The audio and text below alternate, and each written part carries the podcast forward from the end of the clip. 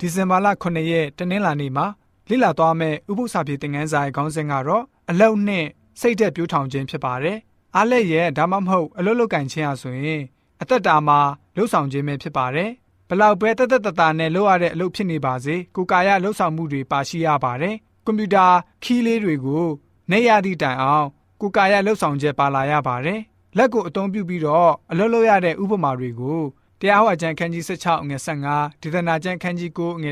30တုတ်တကျမ်းခန်းကြီး21ငွေ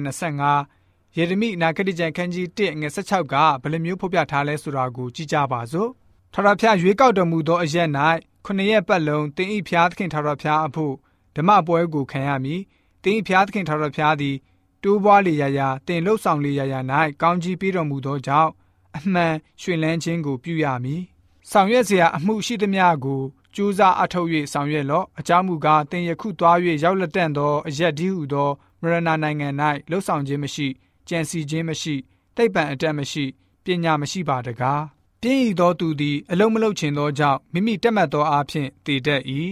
ပြည်သူပြည်သားတို့သည်ငါ့ကိုစွန့်သောအပြစ်အခြားသောဖျားတို့အားနတ်သားပေါင်းကိုမိရှုသောအပြစ်မိမိတို့လက်ဖြင့်လုပ်သောအရာကိုကူးကွယ်သောအပြစ်ရှိသမျှတို့ကြောင့်သူတို့ကိုငါစစ်ကြော၍အပြစ်နှင့်အလျောက် စီရင်မည်ဆိုပြီးတော့ဖော်ပြထားပါတယ်။ဖျားသခင်ဟာဆိုလို့ရှိရင်ကျွန်တော်တို့လှုပ်ဆောင်မှုအလုပ်တွေကိုပေးထားတဲ့အတွက်ကြောင့်အသက်တာမှာပျော်ရွှင်မှုရရှိကြရတာဖြစ်ပါတယ်။စိတ်ပညာအရာရောင်ရဲတဲ့စိတ်ဟာလူတွေရဲ့အစွမ်းအစနဲ့အလုပ်တစ်ခုကိုလုပ်နိုင်တဲ့အချိန်မှာရရှိခံစားရပါတယ်။ရောင်ရဲတဲ့စိတ်ဟာခဏခဏပြန်ပြီးတော့လှုပ်ဆောင်မှုမျိုးကိုမဆိုလိုပါဘူး။ငါလုပ်နိုင်မယ်လို့ထင်တယ်။ငါလုပ်ကြည့်ရင်ရမယ်အဲ့လိုမျိုးမဟုတ်ပါဘူး။စိတ်แท้တင်းတိမ်သွားတဲ့အခြေအနေကိုဆိုလိုတာဖြစ်ပါတယ်။ ကိုလက်အင်္ကာနဲ့အလုပ်လုပ်တဲ့အခါမှာဖះရှင်ကနေပေးတဲ့ကောင်းကြီးဖြစ်ပါတယ်။ပြီးတဲ့နောက်မှာအသက်တာရဲ့အဓိပ္ပာယ်ရှိစွာအသက်ရှင်နေထိုင်ခြင်းကိုရရှိစေပါတယ်။ဖះရှင်ရဲ့အကြံတော်မှာလူတိုင်းလက်နဲ့အလုပ်လုပ်ပြီးတော့အခြားသူအတွက်ကောင်းကြီးဖြစ်စေဖို့ဖြစ်ပါတယ်။ရှင်ပေါလုကနေကျွန်တော်တို့ကိုအလုပ်လုပ်ပါလို့တိုက်တွန်းရေးသားထားပါတယ်။မိမိလက်နဲ့အကျိုးရှိတဲ့အလုပ်ကိုလုပ်ပါ။အဲ့လိုလုပ်ဆောင်မယ်ဆိုရင်အခြားသူတွေကိုကူညီမဆနိုင်ပါလိမ့်မယ်။ရှင်ပေါလုကိုယ်တိုင်အဲ့ဒီဤအတိုင်းအသက်ရှင်နေထိုင်ခဲ့ပါတယ်။ တမန်တော်ဝတ္ထုခန်းကြီး20အငယ်34 35မှာဆိုလို့ရှိရင်ဤလက်တို့သည်ငါ့ကို၎င်းငါအပေါင်းအဖော်တို့ကို၎င်းလှုပ်ကြွေးပြီးဟုသင်တို့သည်ကိုယ်တိုင်သိကြ၏ထို့သောသင်တို့သည်လည်းအလွတ်လွတ်၍အားနည်းသောသူတို့ကိုမားစားရမည်ကို၎င်းအစွန့်ကြဲခံခြင်းအရာထက်